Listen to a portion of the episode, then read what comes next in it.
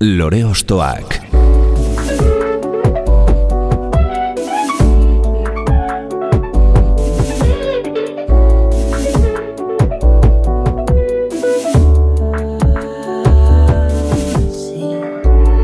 Ekain perezek aurkeztuta, gonbidatu bakoitza lore bat balitz bezala ostokatuko dugu. Jakiteko, zeintzuk diren bere lore ostoak. Haupa, zer moduz, ongi etorri lore ostoakera. Nafarroako hiriburua hartuko dugu gaur abia puntutzat. Bertan, Iruñean jaio baizen mila bederatziun da laurogeita iruan, gure gaurko protagonista. Kerobia taldeko abeslari bezala ezagutuko dute askok, 2000 batean sortu zenetik, 2000 malauean desegin edo atxeden hartu arte bertan ibili baizen. Zazpi urte beranduago, 2008 batean itzuli da Kerobia, bi diskorekin, bata abesti berriez osatua, eta beste arrakasta bermasterizatuekin, baino bitarte horretan, ez da geldirik egon, noski, bere bakarkako ibilbidea jorratu baitu hainbat disko kaleratuz. Xavi Fernandez da bere izena, baino denok izen artistikoarekin ezagutzen dugu. Hau, lore ostoak da, eta gaurko gure lorea, Xavi Bandini.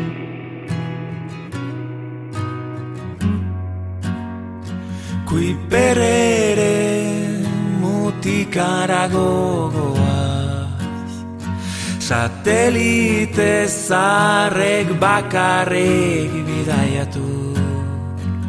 Zuten den asiren leku honetan Ozeano sakonetan. Oten Ezingo dugu, ezingo duzuen Txikitu aukera Ezingo dugu, ezingo duzuen Isilo asamblada Ezingo dugu, ezingo duzuen Gurekin.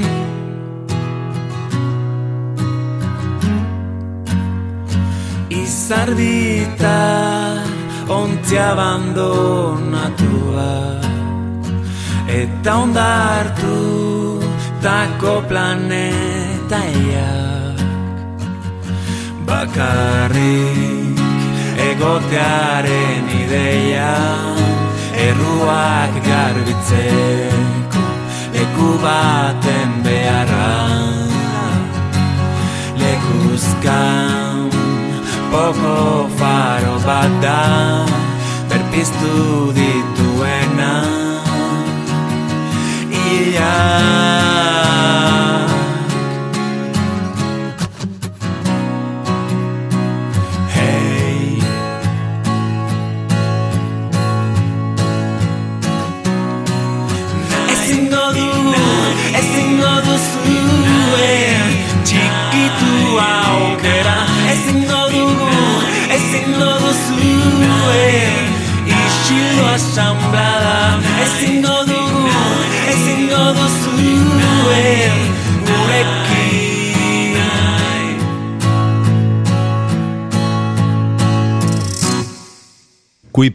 Kuiper eremutik haratago bidaiatu dugu kerobiaren 2000 eta hogeita bateko itzulerarekin. Ilak izenpean aurkeztu dute diskoa, eta lana izten duen kantua da, hain zuzen, gurekin eroiaren agurra izenekoa. Xabi Bandini, ongietorri. Keixo, zer moduz? Ondo, zuera bai? Ba bai, bastante ondo bai, bai, ondo. Ez da gutxi. Ez da gutxi. Kerobia ez egoen hilda, ez da? E, hil xamar zegoen, baina hartu gara, iazo hartu ginen oporretan geundela. Eh? Beraz, zazpi urte zuk esan bezala, zazpi urte pasa genituen nola hor, ba, lurpean edo, eta berriro loratu gara. Hm? Mhm. Hogei urte bete dira, kerobiaren eh, sorrerarik, eh, noizotu zitzaizuen itzulera bilera edo eh, asamblada egitea. Ba, ba egia esan, noizean ben hitz egiten dugu, hitz egin izan dugu, e, kero biatarrok, ez? Eta, eta askotan esaten dut, elkarrizketetan, eta bar, em, os kasualitatez ohartu ginela, hogei urte egiten genituela iaz, eh? Mm, kasualitatez, eta eta orduan, ba, bueno, pentsatu genuen agian polita litzatekeela, ba, ba zeo zer egitea, eh? Eta konversazio horta- hortatik, ba, gutxinaka gutxinaka, pausuz pausu, eta mm, planifikatu gabe, ba, bueno, ba, gauzak pasatu zezkigu, ezta? Eta, esan bezala, ba, bueno, ba, konstelazioa vinilo bikoitza atera genuen, eta ondo joan zen, ez, eta oso harrera politezan zuen, ez beroa, ba, eta musikaria garen einean, ba, bueno, ba, iru kontzertu man genituen oso politak, oso politak e, gure jendearekin, eta gainera, ba, oiek bukatu, eta eta ja, ilak diska berria aurkeztu genuen, eta orain orain e, zuzenekoak prestatzen gabiltza. Mm Ikusi zenuten hor, e, bazegoela publiko bat, kerobiaren publiko bat, ba, e, gozez, zegoela zuen musika entzuteko gogoz, ez? Nik uste bai, ez, eta deitu zaiozu nostalgia, deitu, deitu zaiozu pasatzeko erratu bat, deitu zaiozu mm, berriro konektatzeko gure historiekin, eta denak dira baliagarri, ez, eta denak, denak dauka baloria, ez? E, guk bentsat, mm, osasun txu hartu dugu itzulera hau. E, osasuntzu diot, zen eta agian e, kerobiak nekatuta maita zuen, e, karo, guk e, parentesi artean edo, e, karo, guk gure taldea autogestioaz e, mugitzen ginen, ez? Hau da, guk egiten genuen guztia, orduan, a, e, kantuak egin apart eta bar, ba, bueno, lan asko egiten genuen. Bai.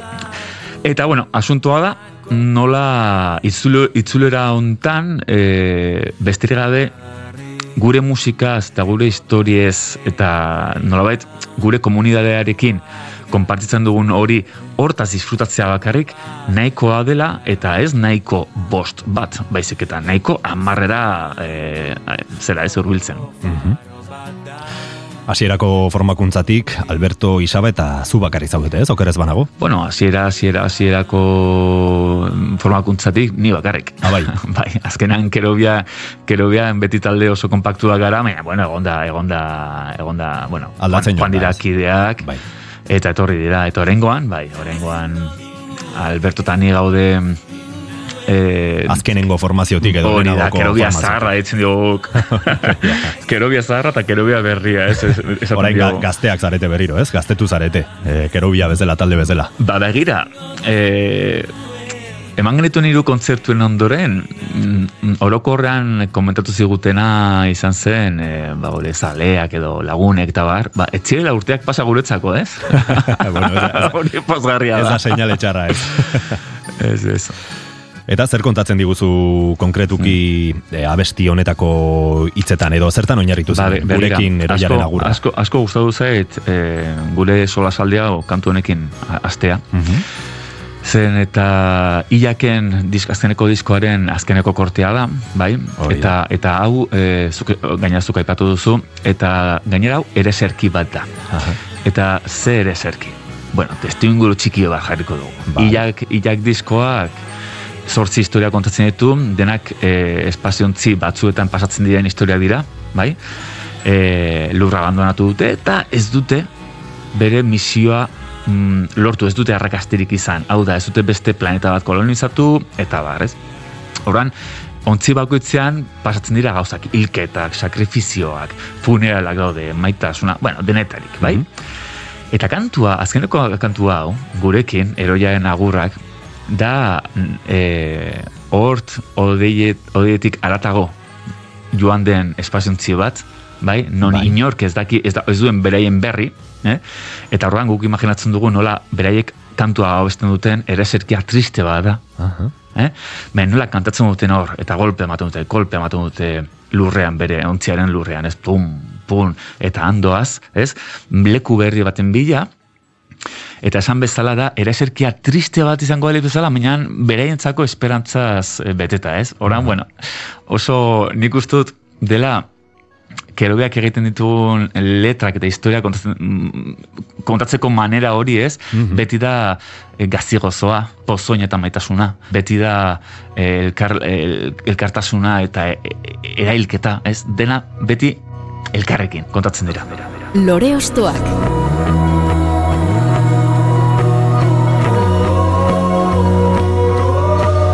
Kuiper eremutik lurera bueltan non ekingo dugu lehenengo geldialdia, Xabi. Ba, nik esango nuke Benito Lertxundirekin. Eta kantu zehaz bat e, aipatuko nuke, eta da itzaltzuko bardoa. Vale. Itzaltzuko bardoa gainera gure zuzenekotan askotan olako bertsio batean akapelaz abestutako bertsio bat e, ba, mm, egin dugu, ez? Eta iruditzen zait mm, oso historia polita dela, oso historia polita, eta zalantza gabe, mm, ni- nire ustetan metzate Benitoren kanturik e, dakit, ederrena, e, e, sakonena edo, ez? Bai. Beraz, da, bueno, hoxe, Nolabait zurea zeure sentitzen duzu orduan, ez? Zuk ere abestu hori baduzu. Eh, Urte askoz, zuzenekotan azkeneko kantu bezala kapela e, jo izan dugu, Mhm. e, kantu hau. Urte askoz, eh? Eta gainera, anekdota bezala, esango dizut, orain gutxi, edo orain dela hilabete batzuk, edo mm, pentsatu nuen, nola da posible e, Benito ez ezagutzea ere, ez? Aha. Ez dugu inoiz konziditu inun ere, inun. Hau da, ez dut, eh, ez dugu, ez dakit, koiziditu. bai, badirela urteak zu eh, musika mundu honetan zaudela, ez? Bai, Eta- bai, eta bez, niz, aki, ba, han, edo hemen, edo, ez, eta orain pentsatzen jarri nintzen, eta Instagramez idatzi nion. Aha. Ea, ba, bueno, momentun batean ezagutzeko, eta bar, eta, eta bueno, erantzun zidan, e, erantzun zidan, ba, ba, bueno, ba, telefono batera ditzeko, eta bar, Bai. eta gero lotxa eman zidan. Lotxa handia sentitu nuen, gara, eski respeto handia diot. Bai. Gizon honi. Beno, ba, hemendikan eh, entzuten badigu, ba, hor dago oraindikan gonbita, eh? eh elkar ezagutzeko eta ez dadila aterik itxi bintzat. Txikitan bestalde etxean musika entzuten zen zure etxean edo non esango zenuke konektatu zenuela Benito Lertxundirekin edo Bai, bai, eh, etxean, etxean eh, han eh, genukan diskografiarekin. Mhm. Hau gainera badakizu txikitan eta ja gainean nerabe izaten hasten zarenean, ba, bueno, bueno, txikitatik ja gaur egun arte, gutxi Bai. gora, me- joaten zara arakatzen etxean dauden gauza guztiak. Eta, eta ja sortzi urtetik aurrera, baina diskoekin hasten zara, kantuekin, ez? Eta horran, pues, bueno, Los Panchos, eh, hau eta bestea, eta Benitoren diskografia ere deskubritu nuen. Mhm. Eta, eta, eta kantu hau izan zen, Benetoren diskografiatik entzunuen lehenbizikotako korte bat, e, obra bat, eta horrekin, oraindik, oraindik ere emozionatzen naiz, kantu honekin. Badu meritu horrek, eh? Hainbeste Mhm. urte eta hainbeste entzunaldiren ostean oraindik mantentzea magia hori, ez? E, Lagaiazu kontatzen ni Madrien bizi naiz, ezta? Bai. Madrid eta Iruña artean. Eta nire Madridgo lagune, lagunei, nik kanta hau abestu diet ere bai, bakizu, Aha. safari batean edo edo bestean. Aha. Eta, eta orduan, ba, bueno, nik historia, kontatzen den historia kontatzen diet. Noski. Ez? Historia tristea hau, ere? E, tristea da eta nolabait, e, karo, gure sustraia edo gure euskararekin harremanik ez duen horrek, Bai. ba, nolabait esateko, os, bastante agresibo, edo bastante, mm, ez dakit nola. Gordina, ez? Gordina da, eta ez, gogora, gogora ezagun nola gartxotek bere semea Mikelot hiltzen duen, Hori da. e, zera, e, lurra, hauan sartzen diola, bai, latineraz e, ez gehiago abesteko, Mhm. bai? Bueno, bai, xe. Ken diezaiegun Xabi Bandiniri lehenengo petalo edo lore ostoa, mila bederatzen da laurogeita bateko altabizkar eta itzaltzuko bardoari diskotik entzungo baitugu, Benito Lertxundiren itzaltzuko bardoa. Egunka uso elkorretako inguruetan Itzaltzuko bardoaren Bila etxipenetan. Garitan jabana dute mokoetan ezarri alizateko gartxoten espainetan.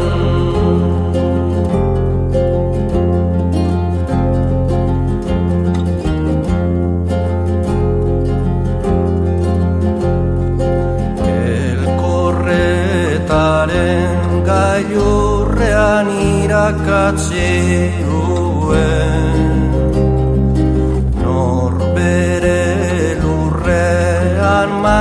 berri zatea zein garesti ordaintzen den.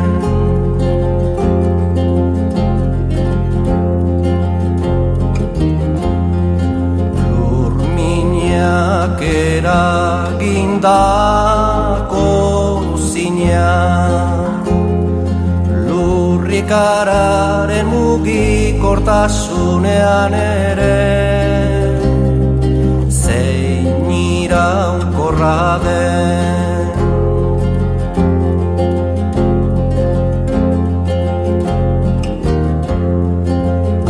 Atzaparka bat lurrez ire seme maitearen.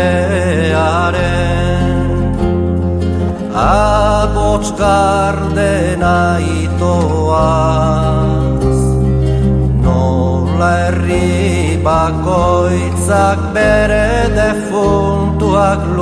lurperatu oi dituen.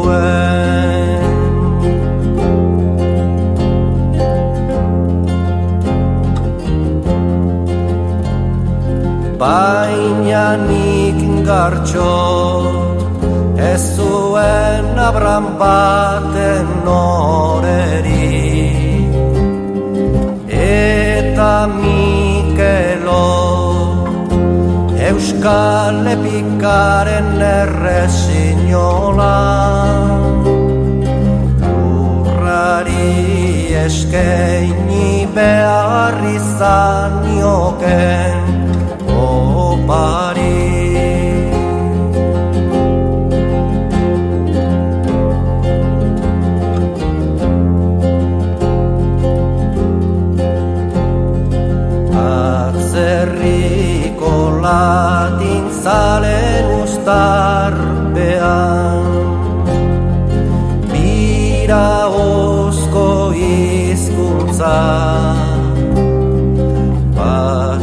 Pasati azkantatzea ez baizen zilegin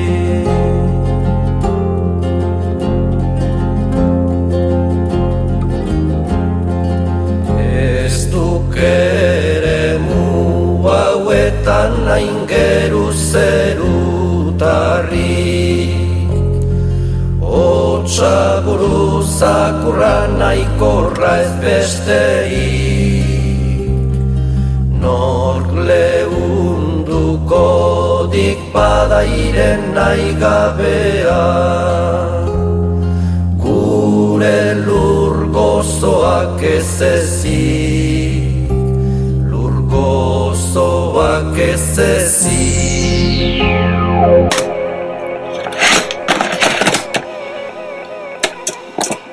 Lore Ostoak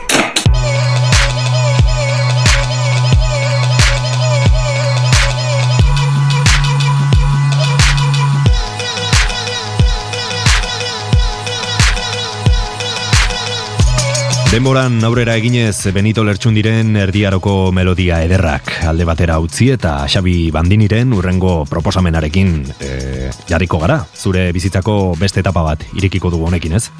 Bai, bai, e, gogora ezagun kas bat. Kas Mhm. bat. Eta, eta zehazki oinutxiga bestia. Ez, bere esiak e, diskoaren, ustut, lehenbiziko kortea zela. Bai, ez? bai, bai, bai. E, nik uste dut bentsat bere momentuan irutu zitzaidan e, azteko sorkun sorkunek dau, iz- daukan izan duen energia eta mm, bere maitasun guzti hori ba, ez dakit, e, kas bat oso berezi izan zen, ez, e, talde bezala eta gero baina irutu zitzaidan mm, estenan e, Euskal estenan diskonek salto bat eman zuela mm? Nik horrela ikusi nuen metzat, ez?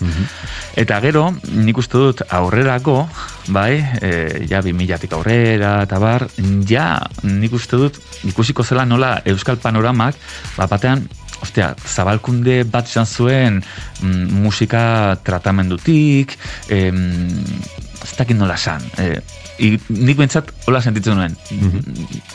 Zabalkundearen lehenbizikotako kanta bat, ez? Bai, rokaren eta melodiaren arteko Claro. em, harreman hori ez, sendotzen hasi zen. Hori da, claro, hori da. Mhm. Gainera, bueno, aipatu duzu e, salto bat izan zela eta sorkunen e, eta emakumearen presentzia, ez? E, rokean, ba, gaur egun normaltzat jotzen dugunarren garai hartan eta rokestenan batez ere sekulako aurrera pausua eman zuen sorkunek pertsonalitate handiz eta gainera ezin hobeto abestuz.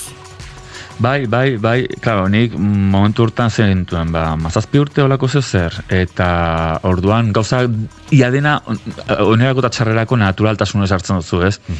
Eta gero denborarekin, ja, eh, esan duzun hau ontaz ohartzen zara, ez? Dio, jopelas, eh, oso, ja, musika oso maskulinoa izan da, oso, edo, e- hegemonikoa erabat, Bai. eta nola orain hogeita piko urte, ba, zeuden talde batzuk, eta zeuden artista batzuk, ba, bueno, bere talentuarekin, eta bere talentuarekin, jode, ba, hor, em, erreferentziak izan zirela. Eta beti, pentsatzen dudan bezala, e, erreferentzia diren pertsona hauek, mm, uzten dute leku bat non urrengoek jarraitu dezaketen bidea, ez? Modak agindutako plataformek bihotza lurretik geroz eta gehiago aldentzen didate, dio esaldi batean. Baduzu sentsazioa lurretik edo gu benetan garen horretatik geroz eta urunago gaudela? Eh, Esango dizudana da, e, guk ezagutu dugun mundua ja ez dela existitzen, eta nik sentsazioa daukat orain, em, da, bizi ga- ba- badaudela errealitatearen plano ezberdinak, eta, eta deskonexio izugarria daukagula mm, errealitate tangiblearekin, betu, ja, ja adjetiboak jarri bada zaizkio Bai. eh, realitateari, ez? Bai. Eta niri bentsat iruditzen zait, bai gaur egun ba, sare sozialak, eta bueno, dena, dena. Oro- oro- Orokorrean da, dagola egina deskonektatzeko mm, era abstraktu batean esango dut, bai, bizitzatik. Eh? Eta, eta esango dut, ez zai gustatzen bat ere. Oso hotza dirudi ez? E, hotza eta eskezu zentzurik, ez gainera ez dauka rekorridorik. Zapatak erantzi eta bagoaz beraz, oinutxik, mila bederatzen da laurogeita emeretziko kas bat taldearen esiak diskoaren bila. Xabi Bandinik proposatu digu, oinutxik.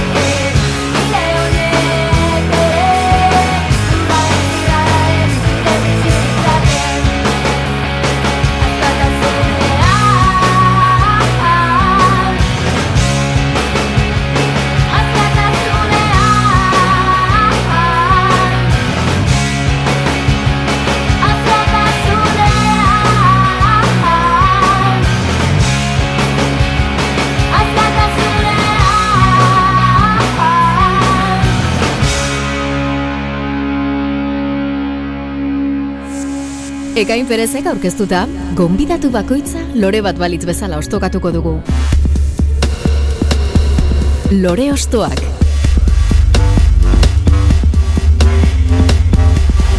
Kerobia taldeko Xabi Bandini ostokatzen gabiltza gaurkoan, mila bederatzion da laurogeita emeretzian izan gara sorkun eta konpainarekin, kasbaden oinutxik entzunez, eta urte berean mantenduko gara, baino orain tolosara bidean jarrita, ez? Bai, eh, esango nizueke, pentsaz, pentsatzen jartzen bagara, ez, e, euskal talde, pop talde kultozkorik badago, ez, zen izango litzatekeen. Eta nik bastante argi dagokat, eta da bide ertzean. Mhm. Bide ertzean. De aurra atiatuetetik pasaziren bide ertzean era, ez da? Eta badago bere, usto gaina bere lehenbiziko lana izan zela. E, Uzut, zeo zer lehenago bazutela, baina disko album bezala, Bai, e, zera, zure minari diskotik, aurrez amestu gabetan, ez? Abesti horrekin, horitzen ez, abesti horrez maite horretaz maite nintzala, mm, ba, urte hortako neguan izango zen. Zatik, gogoratzen dut hotza, eta nire minika, mini kadenan ez, hor, CD-a jarri, eta kanto entzun. Gainera, esango nuke gainera bergaran. aha, baitu. Nire hau amaren ama jaio zen herrian, eta nire familia daukat Aha. eta eta hor e, etortzen zait burura bergara. Gero gainera bidertzeaneko V datarrekin eta eta eta beste besteekin harremana izan dugu kerobiarekin zetako bueno koinziditu izan genuen kontzertuetan eta eta miresmen handia genu, genion ustut elkarri, eh? baina desde luego gu beraiei bai e, gainera plano ezberdinetan. E, V datarrekin e, ba bueno, nik neuk ba bueno, asko gustatzen dizkit nola egiten dituzten abestiak eta letrak eta dena, eta egituten poesia, ez da? Egiten duen poesia, eta gero horretzen naiz Germane, German e, gure teklista zena, bai? Hasieran e, miresmena zion e, beraien teklistari, eta eta ze, ai, ez nahi zuritzen bere izenaz, baina gero en fin, e, talde oso handiekin, eta... Jose Rasenperena, Zenperena, bai, Bai, hori da, bai, zenperena, bai. hori da. aurreko saioan izan genuen gainera gurekin. Ba, horatzen naiz, adibidez, gazteizko gaztetxean jo genuen kontzertu bat beraiekin, eta horitzen naiz, nola German, Germani e, mini klasia bat emazion jamondaren inguruan, Ah, ez? begira. Bai, bueno, olako, olako gauzak ez. Mhm. Sorkunek emakumearen irudia Euskal Rock estenan indartu zuen bezala, ube da anaiek, eh, esan bezala, lehenik deabruak teiatuetanekin, eta ondoren bide ertzeanekin, eh, Euskal Rock erradikaletik zetorren herri batean, pop musika egiteko ausardia izan zuten. Hor ere mugak apurtu zituzten, beste batzuekin noski, eh, personalitate propio hori erakutsiz, ez? Eta gainera oso historia politak kontatzen zituzten Mhm. e, kantu guztietan, benetan e, poesia zen eta eta da egiten, egiten zutena eta egiten dutena edo edo seguro eski etorriko dena egingo Bai, dute bai, gehiago, bai. ez? Oso, oso historia politak, mm, melodia uste dut e, mm, dago zehaztasunetik difusorako bide erdibide batean, ez? Eta hori melodiak, baina harmonia beti oso oso poparen eh, eskolakoak, ez? Mm, eta bueno, gero gainera diskauntan eh, emakumezko aporta, mm, emakumezko baten ahotsare sartzen da, bai. bueno, ere bai, ba, bueno, beste zera bat ematen diona, ez dakit, oso polita. Mhm. Zuk beti argi izan duzu mutilek ere sentimenduak argi eta garbi erakutsi ditzaketela, edo bihotza publikoan zabaldu dezaketela, ez?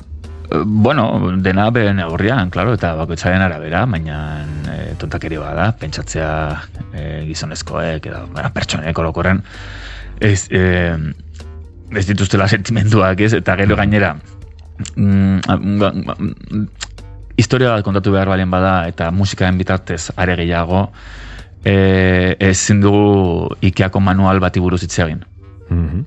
Ordan, senti- eh, sentsazioak, e, imaginarioa, sentimenduak, hori da, hori da. Ez? Eta hortara bultzatzen gaitu kantu hon batek, eta eta nik uste dut egile batek, artista batek, sortzaile batek, jode, hori dela bere, digamos, bere, bere, dira bere herramientak. Hm? Mhm. Beraz, horregatik gainera askotan esaten dugu e, pasioz e, egiten den musika egiazko dela, beti. Hobeagoa izan abestia edo ez. diskoak arrakastan diagoa izan, ala ez. Eta gure kasuan, eta nire kasua metzat, nire, nik beti musika historia bat kontatzeko erabiltzen dut. Hmm? Hori da gure gauza partikularra, ez? Transmititzea, ez, azken finean. Transmisio hori lortzea. Ez da beste ezer, ez da beste ezer musika. Iman Olubeda, gaur egun doninorrez moduan ezagutzen dugunaren ahotsa entzungo dugu beste bin, esan bezala bidertzean taldeak mila bederatzen da laurogeita emeretzian kaleratutako zure minari disko aragastatxuarekin. Aurrez amestu gabetan da Xabi Bandinik ekarri digun abestia. aurrez amestu gauetan Ezin dut okeitu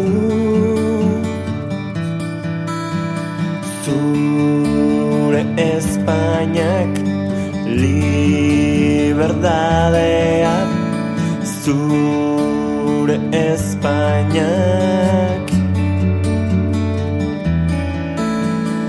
Aurrez amestu gauetan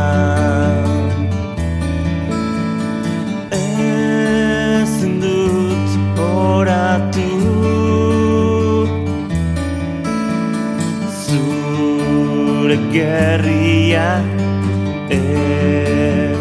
etxalde txuriak zure gerria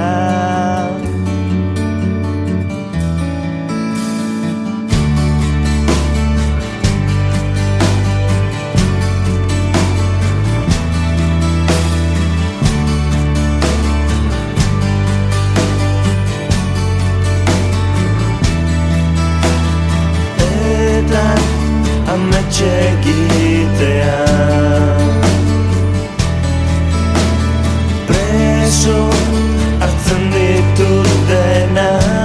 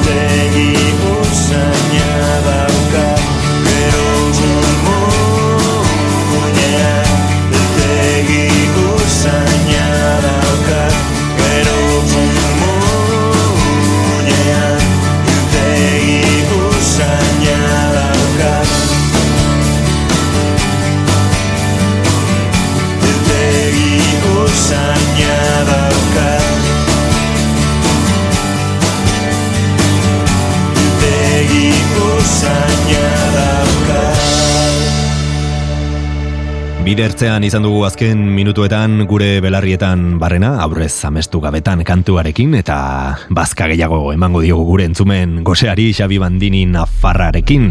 Lore Ostoak. Kronologikoki aurrera goaz, eta orain, nortzu datoz. Ba, aukeratu dudan kanta, e, ezin izan dolako disko oso aukeratu da duten askatuko rapiloko diskoko jauzia. Ez? Irutzen zait, eta hau asko zatea da, eh? Hau nire, nire iritzia da bakarrik, eh? Euskal Herriak eman duen disko behena, hau dela, askatuko rapilloa. Eta orain arte entzuten ari garen nire petaloen hauek, ez, kantak, ez? Bai. E, eta gaina aurrerago ikusiko dugu ere bai, segurenik, beti daukate gauza bat. Dela nola uztartzen den mm, melodia, ez? Mm, bueno, ba egiten zen musikarekin, oza, roka, edo trash, edo hau, edo popa, eta ez, beti melodia hor dago, ez? Beti dago, e, nik esaten duan bezala, kantu bat beti menorretan jotzen denean ho- ho- hobetzen da, ezta? Bueno, ba, klabe horietan mugitzen dira kantu guzti hauek, ez? Eta jauzia abesti aukeratu du zen eta olutzen naiz nola nola nire etxean e, disko jartzen nuenean, claro, kan, kantu, kantu honekin mm, nolabait kortozirkuitazen zitzaidan burua eta e, eta bueno, altxa nintzen altxatzen nintzen eserlekutik edo igual ikasten negoen, o lo que sea, mm, ez dakit mugitzeko eta bar, ez? Energia pilo bat e, transmititzen duelako. Ali izan ezkero beraz disko osoa sartuko zenuke hemen, ez? E, abesti bat aukeratu duzu, baino diskoa, diskoa bera da, ez? Zalantza gabe, hasieratik bukaera arte. Gainera, gainera, hau anekdota bat da, nola e, lehen, lehen, batzuk joaten ginen noizean behin, ba, demagun astean behin, edo bi astero astetan behin disko dendetara, bai? Eta, eta orduan, ba, bueno, harakatzen genituen diskoak, eta zaten gero, probatuko dut honekin, ez? Eta aietako batean, ba, bueno, ikusi nuen, eta ikusi nuen portada, e, duten diskonen portada, eta ez nuen du, ezagutzen taldea ere, eta zanen, bueno, eramango dut, ez? Ez dakit zenbat izango ziren, pues, e, mila boston pezeta, olako zerbait. eta, eta orduan, nolabait, begira zet gauza tontoa den, ez? Baina nolabait, nik nire kasa eskubritu nuen disko bat da, eta orduan nolabait nire, nire mm, altxor bezala, ez? Tratatzen dut. Hau da, da esateko moduan. E, hau da e, Euskal Herriak eman duen diskoriko behena, eta baina nik neu nire kauz deskubritu nuen. Mhm, zure Ez? topaketa bat, bezala. Bai, bueno, ba, dauka gauza polit bat, ez? Mhm.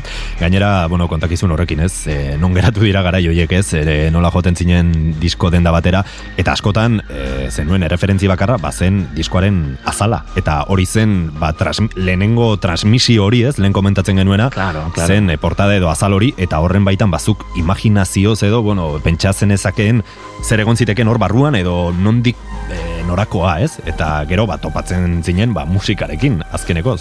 Bai, bai, bai. E, ez gara, oza, nik ez dut ez dola zentzurik egotea atzera begira, eta bar, e, etorkizuna oraina eta etorkizuna dago aurrean, bai, o, oin azpian eta aurrean, hori harri daukat, baina egia da, eta egia da, mm, gaur egun mm, plataformetatik kontsumitzen den einean, era eh, Instagramez saltzen den einean, em, dena azkartasun batekin eta oso efimera den einean, ba, pf, bueno, ba, gauzak dire bezala, musikaren zerak magiak galdu du. Bai.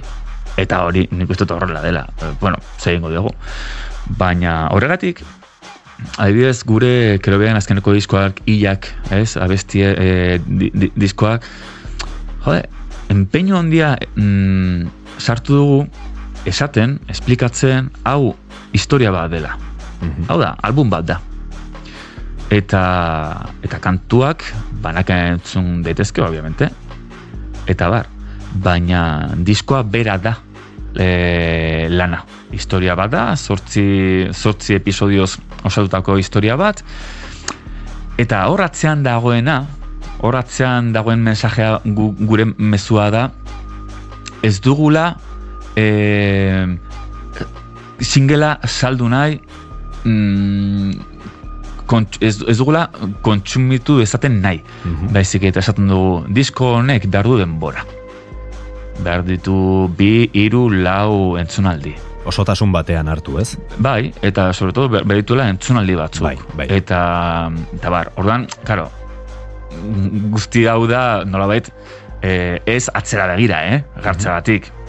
Baizik eta aurrera begira jartzen jartzeagatik eta esateko, bueno, aizu, eh, mm, musika ere bai, mm, beste modontan eh, disfrutatu daiteke, bai? Mhm. Dela, bueno, lasaitasun batekin, lasaitasun batekin. Ez, e, gauzak mamitzeko, gauzak entzuteko, mm, historia bat kontatzen denean, arreta jarri entzuten e, kontatzen ari dizunari. Claro, gauza guztiek dira nolabait liburu bat irakurtzen duzunean bezala. Mhm. Inorke, inori zaio kurritzen liburu bat, novela bat ateratzea, Instagramez, adibidez, horri bat, eta, Bai, eta horrekin hurrengo- geratu, ez? urre- eta historietan horri bat jarri, eta hurrengo historia beste horria, eta bar, horrek ez du inongo zentzurik, ezta? Bueno, horran berez gure naia da e, gutxienez gure musika lasaitasunetik e, disfrutatzea da entzutea. Mhm. Mhm.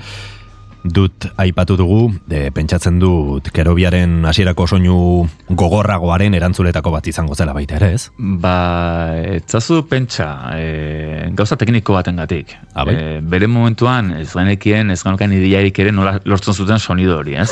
Eta ze afinazioan zauden, Bai. eta bar. E, nahi, nahi segurenik bai, baina, baina, bueno, guk, guk e, e, denbora ekin ikasi dugu instrumentua jotzen. Mm? Eta eta kerobiak lehenbiziko maketa grabatu zuenerako nik gitarra elektrikoarekin ba ze esango nizuke mm, hilabet urte bat o, bi urte, hiru bi urten neraman, ez? Bai. Ez dakit nola esan.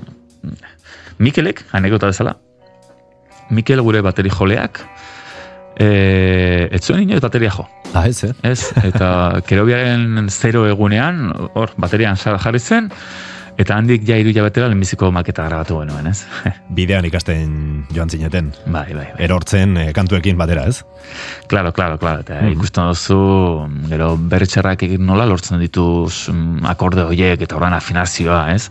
Claro. Beraien afinazioa kopiatzen, eta Bai. ah, izugarri kopiatzen genuen guk. Eta, eta dugu, eh? Mhm, Bueno, de, kopiatza ere, aizu, eh, jakin behar da, eh? ondo kopiatzen baita ere.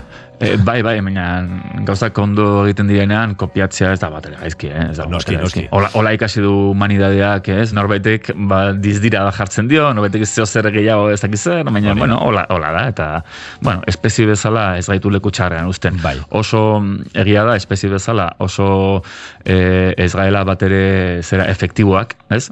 Eh, espezie bezala ez gaela bat efektiboak, baina, baina, bueno, Aurrera goaz? Beno, ba, aurrera goaz, baina orain atzera egingo dugu, 2000 garren urtera, e, bidasoa ibaiari jarraituz, ondarribian geldituko gara, askatu korapiloa, disko hartu eta bertatik jauzia entzuteko, hemen datoz, dut.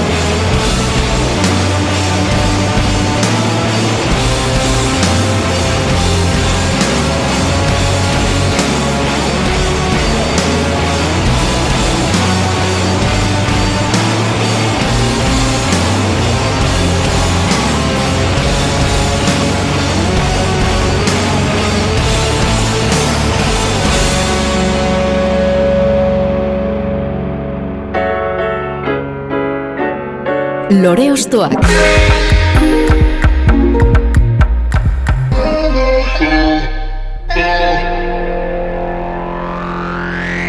Denborarekin begi bakarraren undik eta norakoaz Jakin genuen kostatik joan zen ontzia galtzean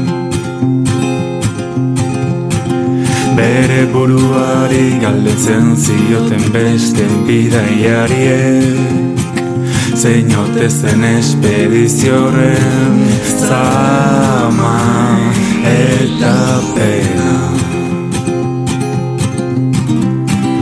Zorinaia da bidaiaren erdibidean Itxasora salto egin zuen Ezer utzi gabe. Bitakora notak zioen Artikoan urotzetan desagertu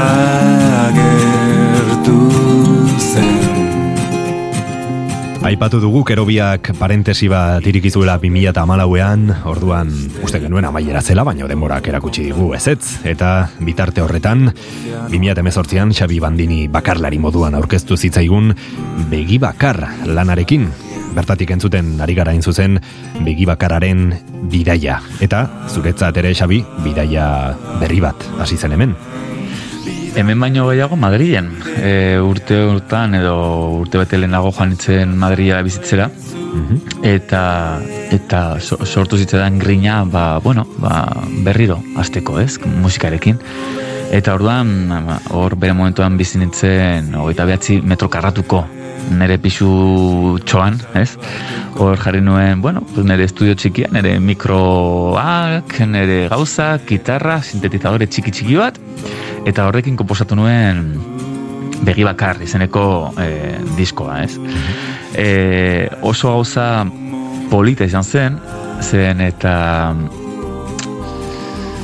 e, etortzen ginen, ba, nolabait, kerobiatik, ba, supernova bezalako disko superproduzitu batekin, eta, bueno, ba, bueno, kerobiaren nolabait, inertzia hori, bueno, ja inertzia etzegoen, ja galduta zegoen, baina nolabait, e, referentzia horrekin, ez? Eta orduan, sentitzean ere burua e, nahiko, e, nahikotasunetik, hau da, egin dituen begi bakarraren bidaia disko, e, kantu hau egiten nuenean, grabatzen nuenean, eta bar, eta esat- esaten nuen, gustoko dut, gustoko dut, gustaren zait, ez?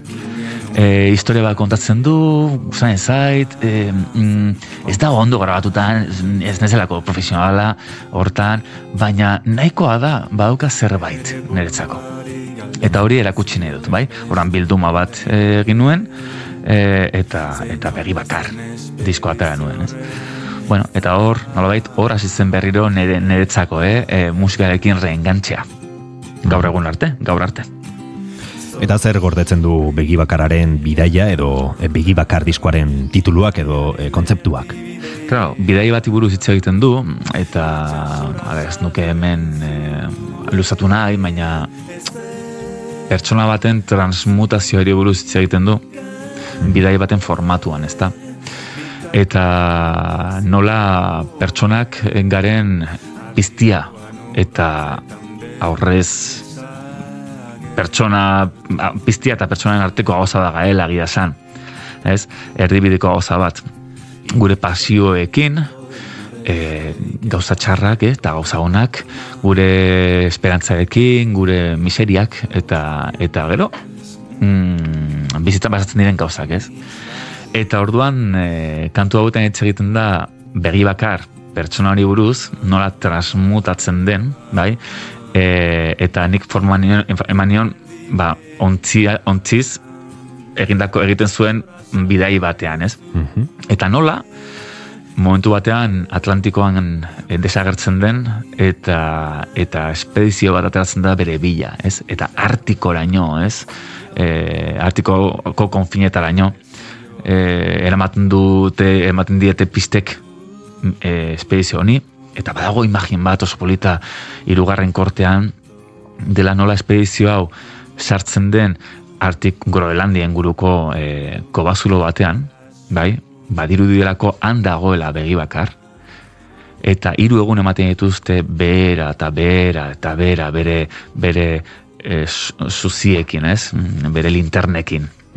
Eta nola hobartzen diren bukaeran, e, bukaeran iristen momentu bat esaten dute e, hemen badirudi ez dagoela, ez dakigu aurrera jarraitu edo ez- jarraitu, ez?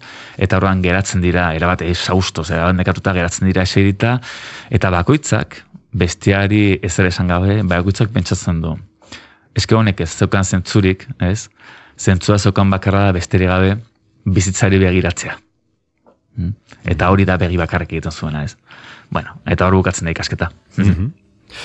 Bueno, eh, esan diguzunarekin orain arte Xabi Bandiniren armarria sortu behar bagenuke e, kontzeptu bat izango zen melodia eta bestetik istorioak, ez? Istorioak kontatzea maite duzu, argi eta garbi, bai entzutea eta bai sortzea. Bai, bai, bai, niri historiak entzutea izugarri guztien ezait, e, gainera, modu askotako historiak. Ni konferentzia asko entzuten ditut, e, liburuak orain gutxiago irakurtzen ditut, me izugarri irakurri ditut, kantuetan dauden e, historiak ere entzuten ditut, historia kontatzea. Zer- Zeren eta horrek irikitzen dizu imaginarioa. Eta zuk imaginatzen dituzu gauzak, ez? Eta gero ere ikasketak gaude, edo, edo dago disfrute bat. Da nola betzateko, hau, da igual, ez nuke azaleko e, izan nahi, baina urte batetan, hiru liburu hon, edo, edo hiru historio hon, iragurtzen badituzu, edo entzuten badituzu, urte horrek pena merezi izan du, ez? Lehen aipatu dugu dutetaz hitz egiten ari ginen bitartean kerobiaren hasierako soinu gogorragoa eta horren adierazle handiena agian honako hau da. Belarrira esan nahi dizut Inorku ez entzuteko Gura umetxik esalatzeko Belarrira esan nahi dizut Mutil bat maite dudala Larruarek jotzen didala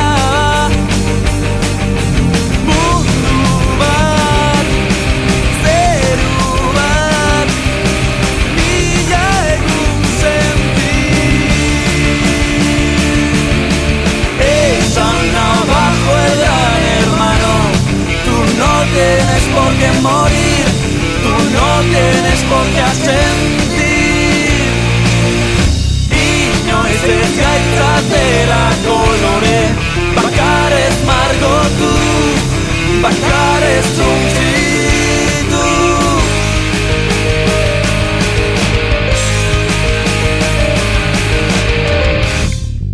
Esan bezala hogei urte igaro dira, kerobia taldearen sorreratik, zer sentitzen duzu, hau berriro entzutean. Ba, beste garai bazela guretzako, ez da, e, hau da, atera genuen lehenbiziko diskoa, lehenbiziko albuna, abetik bi maketa izan genituen, eta, mm, claro, horrendik ere ikasten geunden, horrendik ere, nolabait, mm, talde bezala, e, e, ez dakit, nortasuna bilatu baino, nortasuna hitza erabiltza baino, da, ze zentzu aurkitzen genion gure konposaketei, ez? No, nola egin nahi genuen, egin nahi genuena. Eta orduan, hor dago, pues alde, alde batetik nolabait, e, ba, momentuko rockaren base hori, eta bar, eta gero, ba, bueno, ba, melodia beste beinen, ez? Melodiak. Gero gaia ere polita irutzen zait, e, tratatzen den gaia, bere momentuan, ba, bueno, ba, nik uste dut, e, bueno, e, gauza polita zela, ez? Honi buruz hitz, gauza hori buruz hitz egitea. Mhm. Eta, eta diot, guretzako beste garai bat zela zen, eta urrengo diskoan, Rose Eskargoten, izan zela bigarren diskoan, orduan lortuko genuen, gero denborarekin, e, asko zerrezago definitu duana, ez? Hor Rose Eskargotekin, jakin genuen guk egin nahi genuena zela kantu ahalik eta politenak egin, e, irudi bat eman, eta historiak kontatu, bai? Eta audio zen, eta Eskargot zen mm, disko jendeak igual kontzeptuala etu, ditzen dio nik mm, ez dakit kontzeptuala den, baizik eta historia bat kontatzen da Rose Eskargoten bizitzari buruz, ez?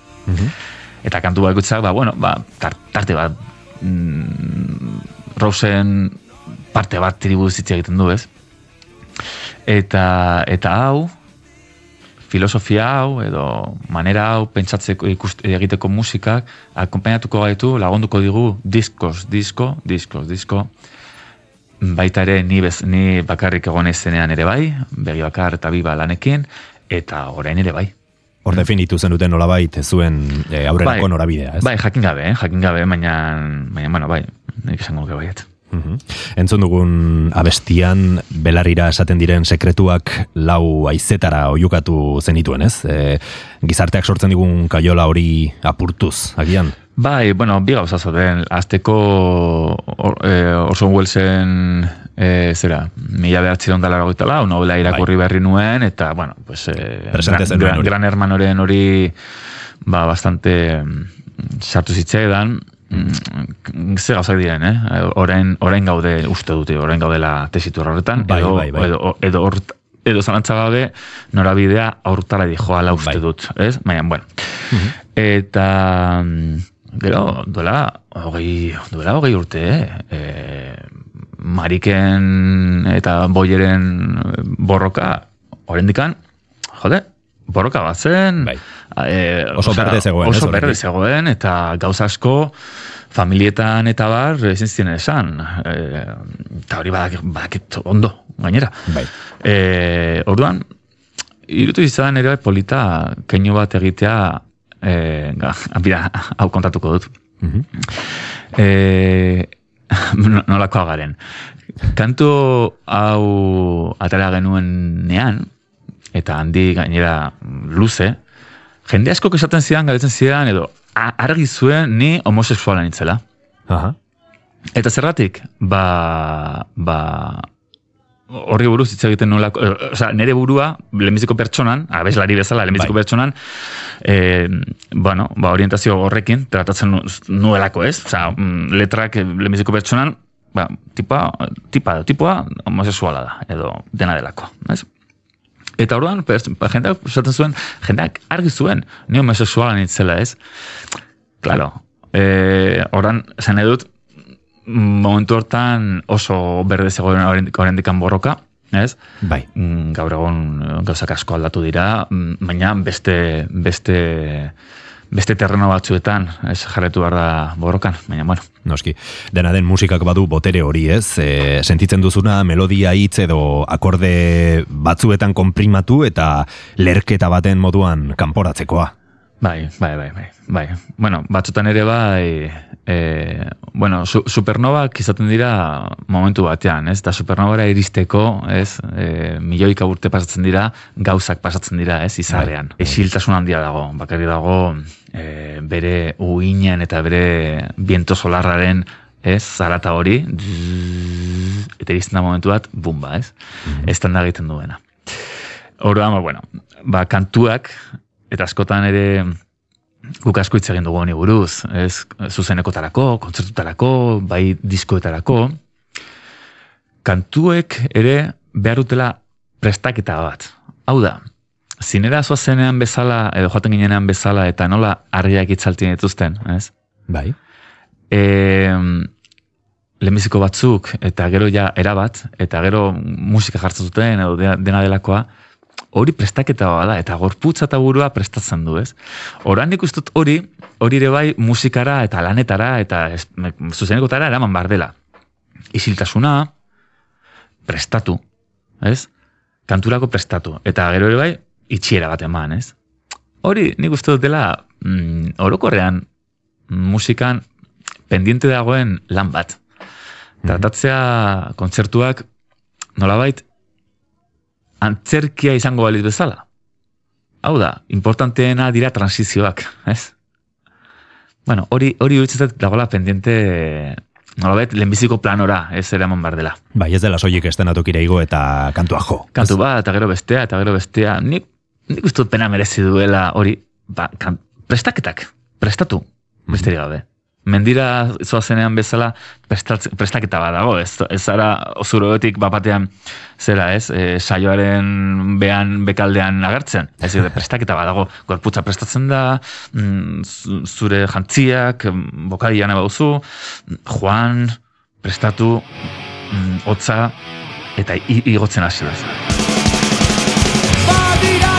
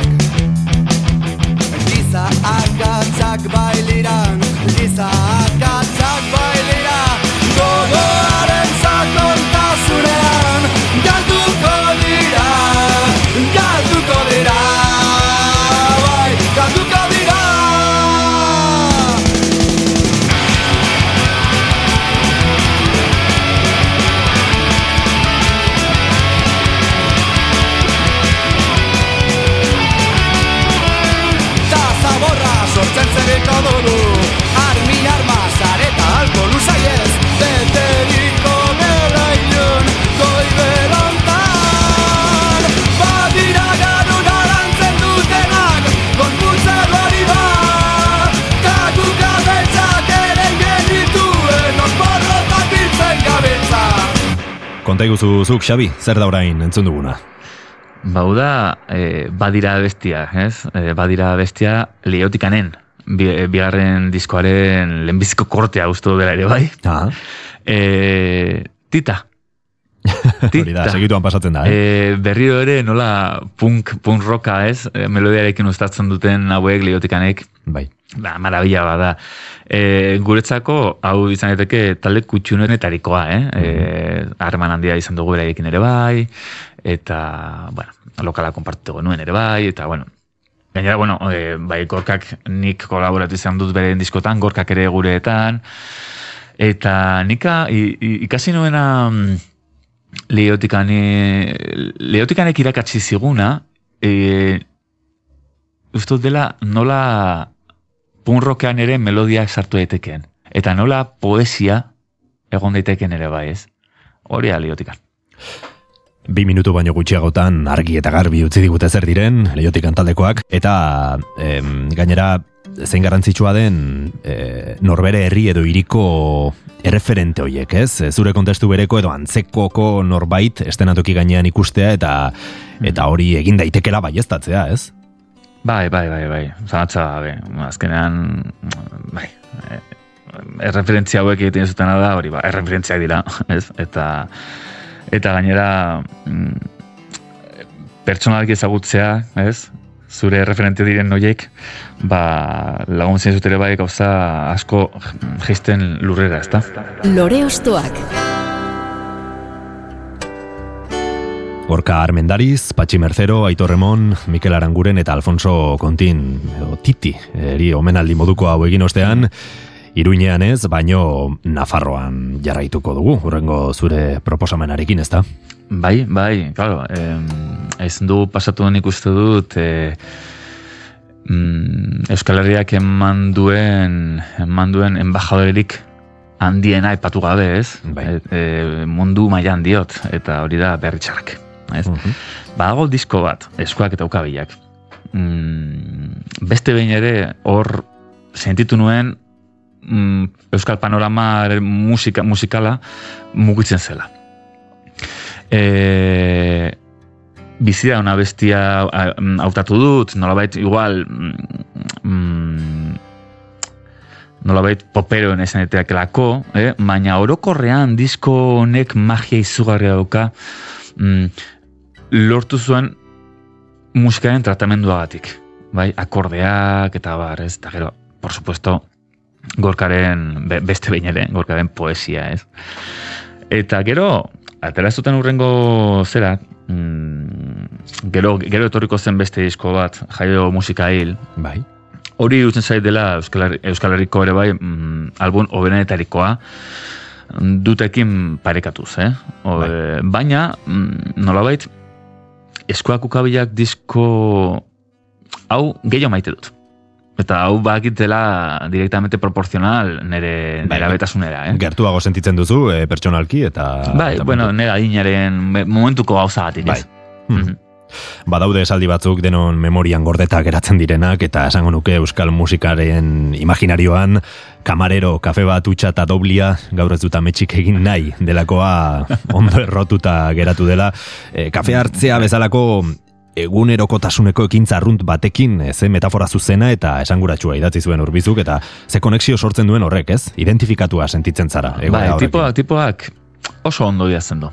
Tipoak, benetan esaten dut, oso ondo idazten duela. Eta e, erabiltzen duen e, bere iztegia, aberatsa, bere formak esateko gauza krudelenak, ez, mehan poesia pilo batekin, ez? E, neri, jode, izugarri gustan ez da entzutea.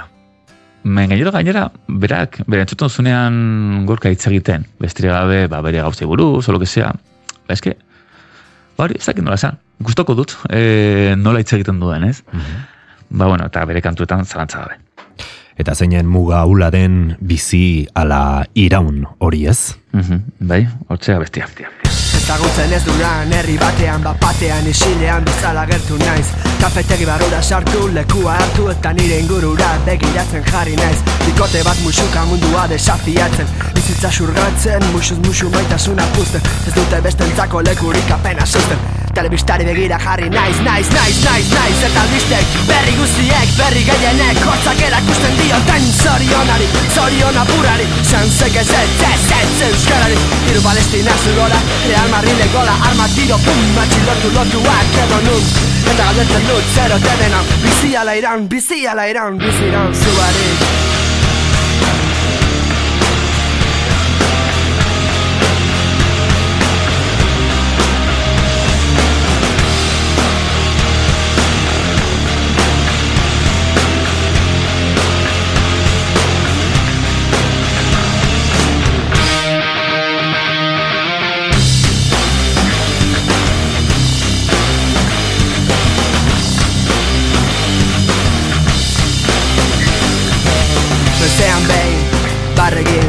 Bakoitza bere ikara gordetzen ditu berekin.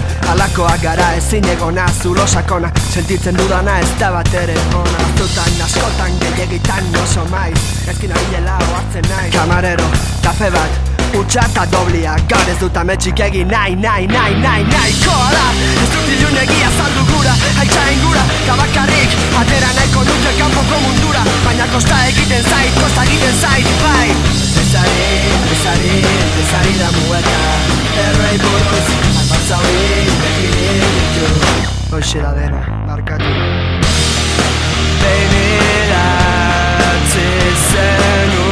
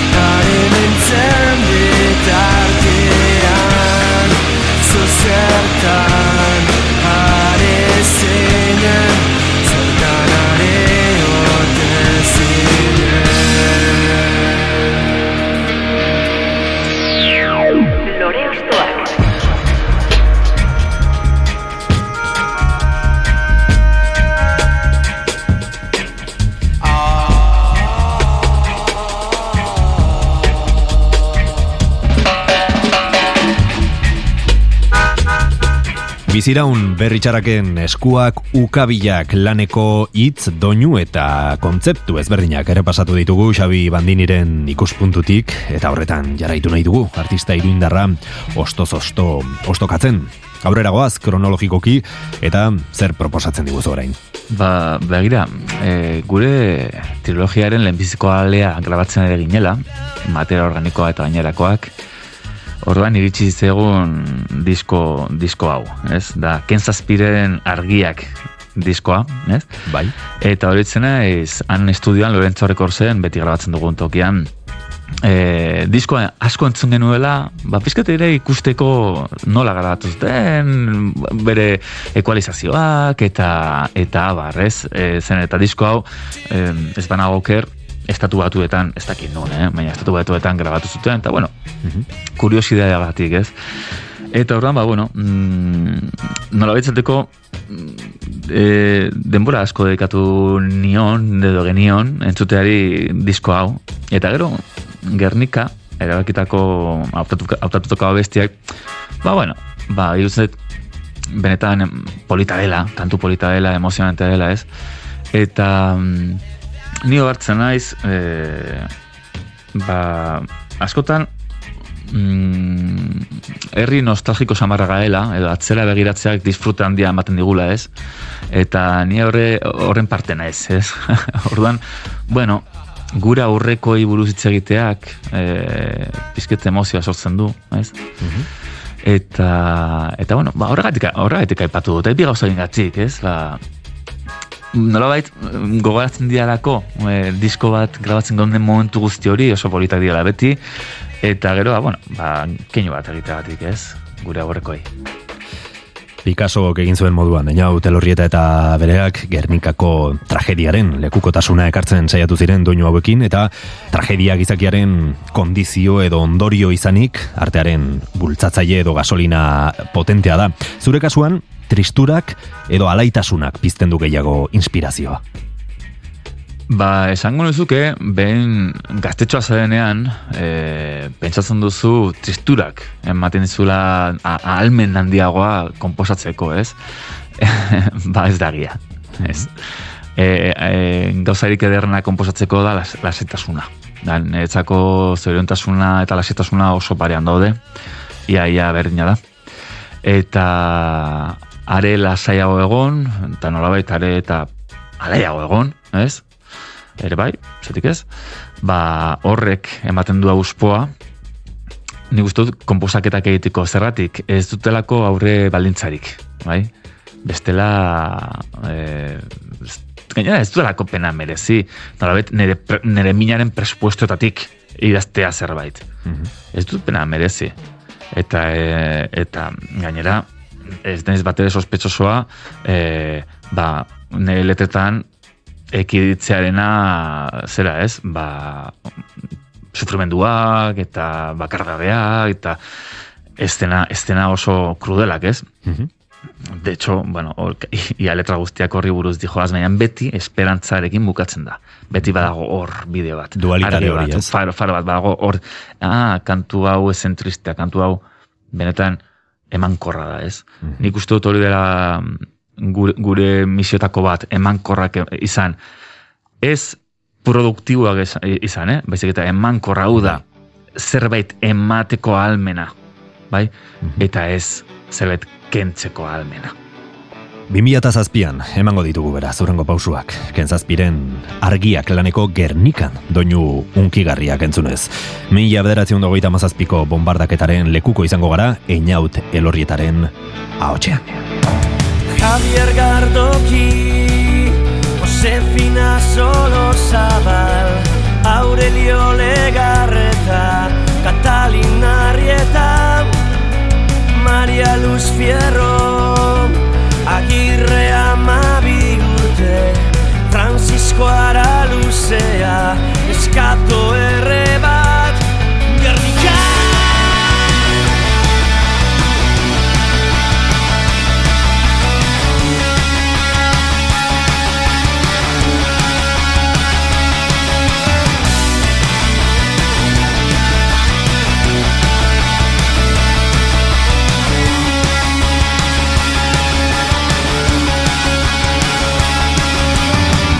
Reginalda Mam Una identifikazina Aurelia Candes López Clara Saldun bide Korputzatiak Germana Basabe Urma Etxea Telesforo Eliero Barrutia Maria Santa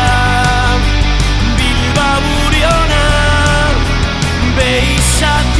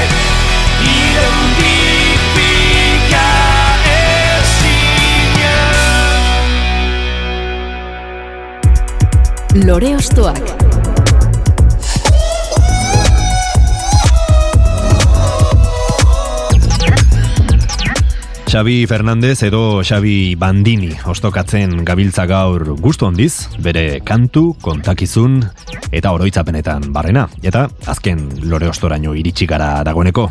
Por cierto, nondi dator Bandini ez izen edo izen artistikoaren jatorria? Ba, esango dizut, e, orain dela atzo edo eren egun irakurri nuen Rigoberta Bandiniren e, zen entrevista bat. Aha. E, bilatu entrevista zen eta berak hartu zen exactamente nik bezala. Ah, bai, eh? Ez? Bai. Asunto da nik hartu nola lehenago, eh? Esto, esto, izan esto- pioneroa. Esto, esto cuenta, eh?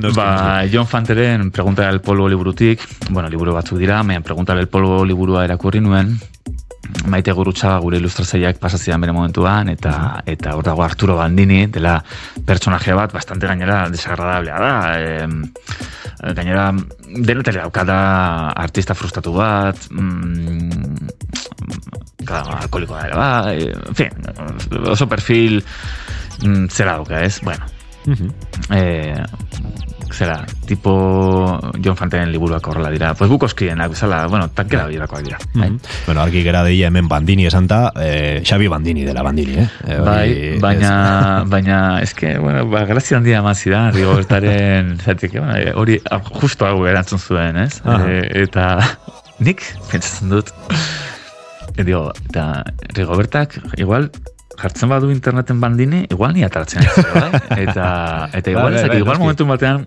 igual, eh, ez dakit, momentu batean elkar ezagutuko dugu, niz? Bai, bai, bai, bera, hor eh, badago lotura bat, eh, agian patuak jarri duena, eh, bueno, ikusiko dugu zer gertatzen den. Beno, ba, esan bezala, azken lore ostoa eskatuko dizut, Xabi.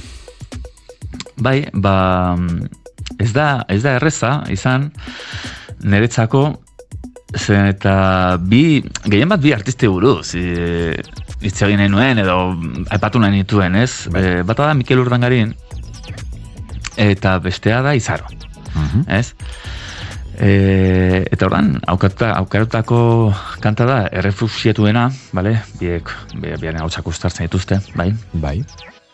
Eta eta bueno, nik uste oso, oso kantu polita dela, e, izaro uste dut oso, oso gauza fina komposatzen dituela, eta bar, baina nolabait izan da gehiago, e, eskusa bat, mm, bi artiste buruz haue, bi artista hauek ekartzeko gure gure sola saldi ontara, ez? Alde batetik Mikel Ordangarin, adibidez, e, Mikel Ordangarinen ispilue diskoa nik etxean batxieroa ikasten nuen bitartean e, ez, hor, entzun izan dut, bueno, txaldeak eta txaldeak, ez? E, eta asko ikasi nuen diskortatik adibidez. Eta gero izaro, e, bueno, nik e, elkar ezagut izan dugu urte hauetan, eta eta oso, oso artista simpatika iruditzen zait, oso ona eta oso ahots polita dokana, iruditzen zaitela oso artista borobila. Hm? Eta, eta emankorra, emankorra, lehen, lehen hitz egin dugunaren terminoetan, Bai. bai, emankorra eta gainera, ez dakit, kalidade handiko, kalidade handiko artista. Eta, eta hori, ez da, oso gaztea dela gainera ere, bai. Noski, bai, Horrek bai. ez du esan nahi, mm, hori, eh, pentsatu behar dugunik, ez dakit zer, bihurtu behar denik mm, etorkizunean, edo, mm Mhm. ja, eh, asko pena merezi du bere, bere entzuteak, eh, bere lanek, mm? Eta, bueno, eta Mikel Urdangarin azkenan nere bihotzen dara matez. Bi generazioren talka modukoa da beste hau ez, alde batetik Mikel Urdangarin, bere vibrato eder eta pertsonal horrekin, eta beste aldetik izaro, lehen sorkuna aipatu badugu emakumearen presentzia azpimaratzeko, zer esan gaur egungo panoraman izarok izan duen eta duen garantziaz, batez ere emakumezko kantautoren e, olatu edo estanda berri horren aitzindaritako izanik, ez? Bai, imaginatzen dut, e, baietz. E, Zalantza gabe artista asko, e, emakumezko asko daude orain, bueno, zirkuitoan, gauza proposatzen, eta eta hori normaltasunetik e, tratatzen dugun, osea, normaltasuna doa enean, ba, bueno, ba, gauza polita da, ez?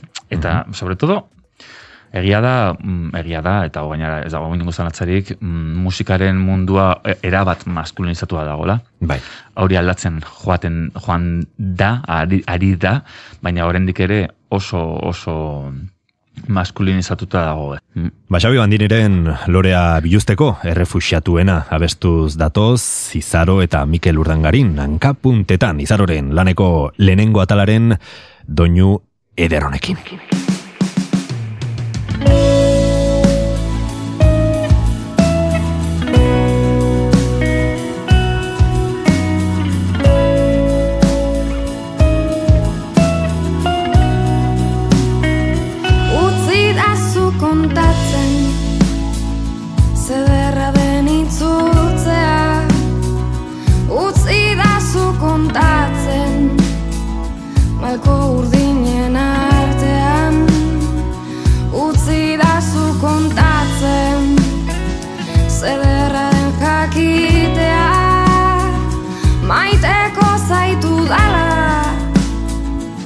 Itxasoaren beste aldean Utzi da zu kontatzen izarren artean. Utzi da zu lastantzen hiru akorde hauetan. Utzi da zu kontatzen zederra den zu ikustean Utzi da zu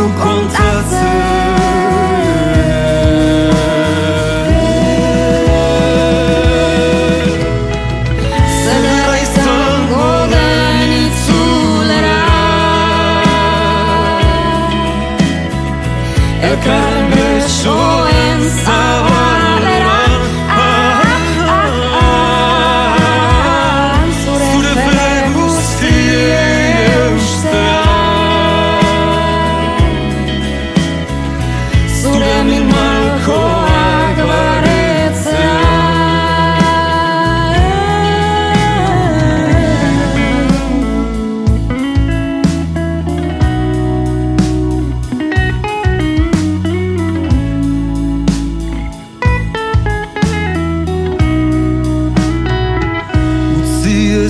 kontatzen Beinume zirela Amestu zutela Itxasoaren beste aldea Egan egiteko egoak bakean bizitzeko Ez dute besterik nahi gaur gurekin dantzatzeko Zederra izango den itzulera. Elkarren besoen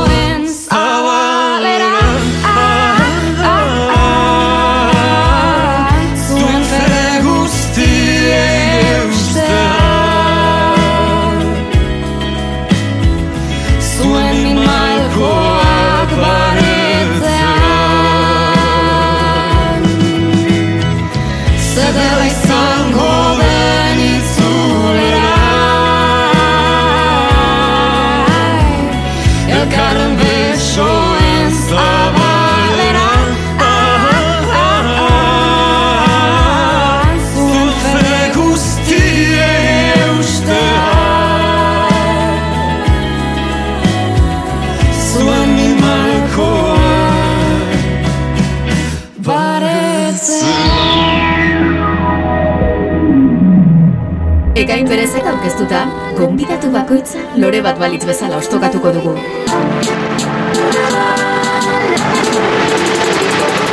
Lore ostoak. Begira Oinez dabil bere pangeatik Oinez dabil eta ez du mapik non galdote ziteken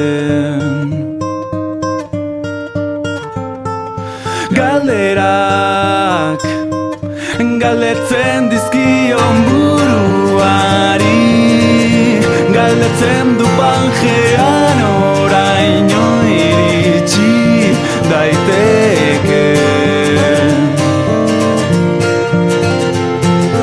Ta oinez Jarraitzen du begiratzen baten aztarnak jarraitzen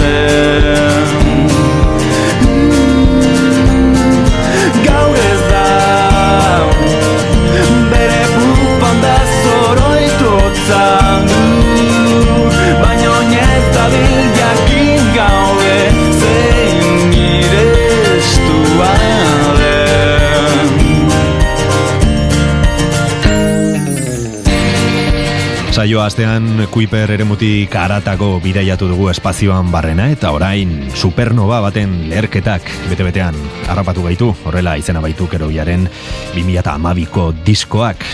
Espazioko kontuak maite dituzuela dirudi, ez, Xabi, horrela da? bai, bai, ala da, baukagu tendentzia bat espazioko gauzak, baina baita ere ozeanoan pasatzen dire gauzak edo lurrazpian, Bai, ez da? Beti da hor geokosmiko gauza bat, ez? Bai. Zure pangearen itzaldi kartografikoa.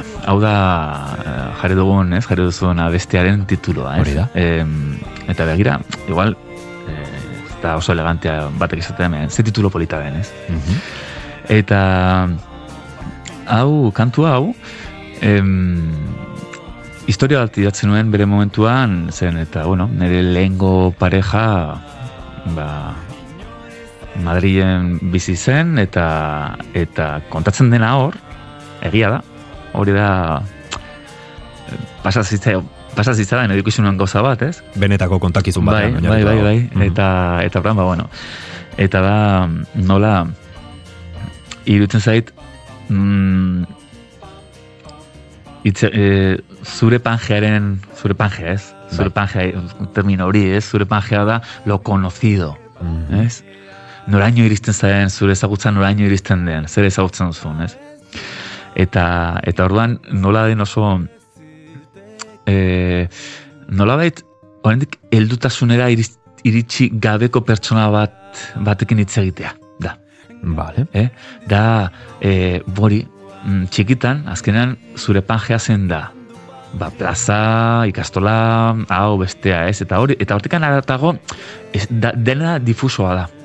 Ez dago mapa, ez dago eh, mapan da, nolabait, mm, existituko ez bali bezala, bueno, badakizu existitzen, existitzen dela zerbait, Bai, baina oraindik difusoa da, ez? kartografiatu gabe dago, ez? Claro. Mapara pasa gabe. Orduan, kantuntan hitz egiten dena da, oraingo zure mapan, zure pangearen, ez? E, kartografiari buruz hitz egiten dugu. Hau da, da niretzako e, samurtasun handiko abesti bat, e, hitz egiten duena, ba hori, oraindik heldutasun batera iritsi gabeko pertsona batekin hitz egiten duzunean, eh?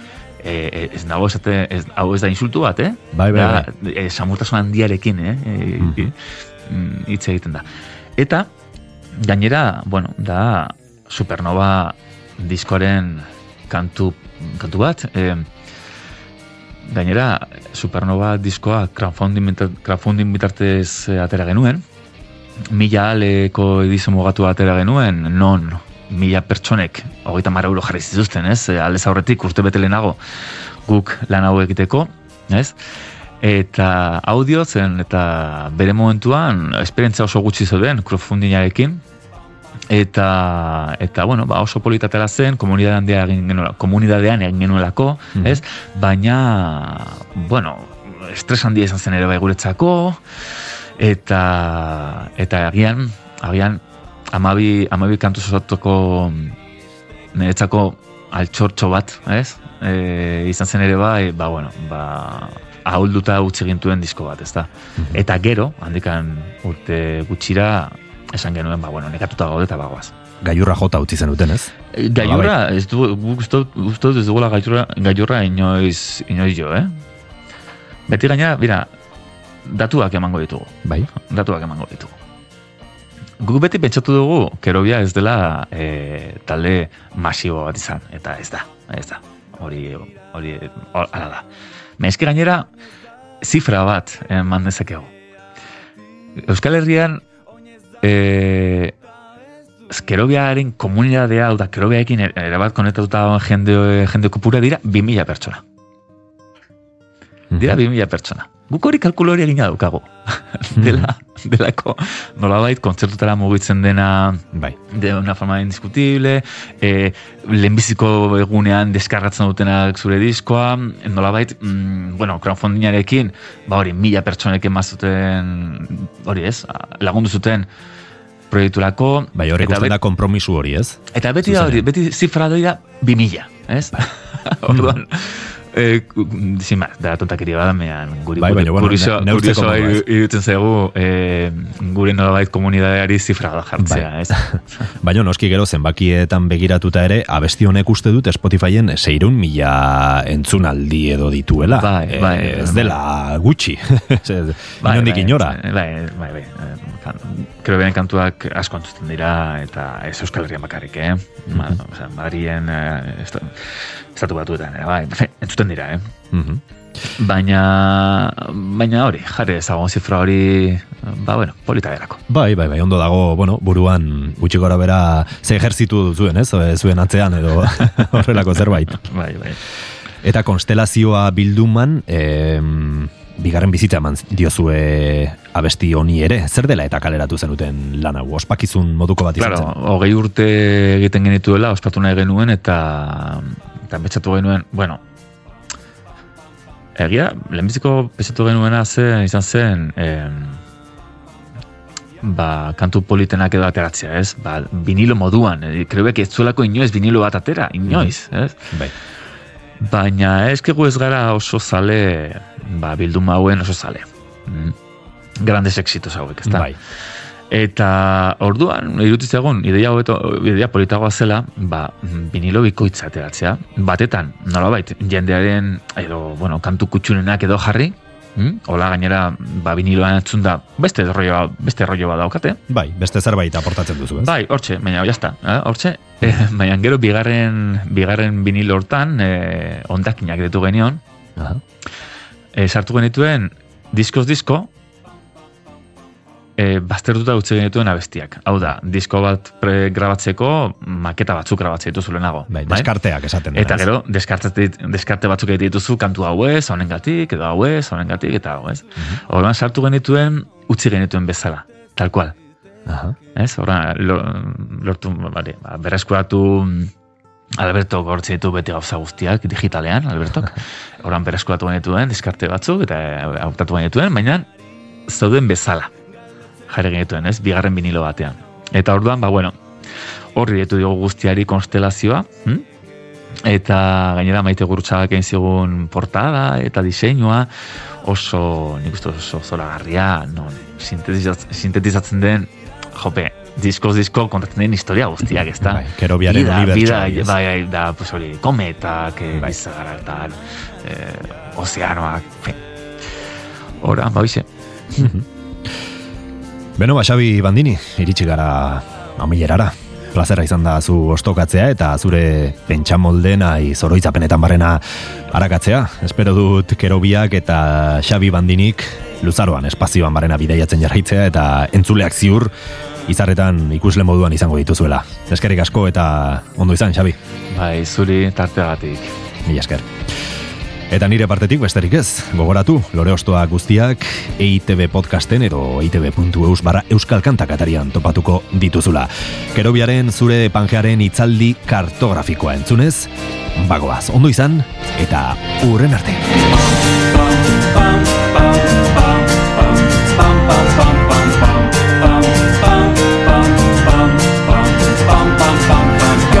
Gauzuaen izen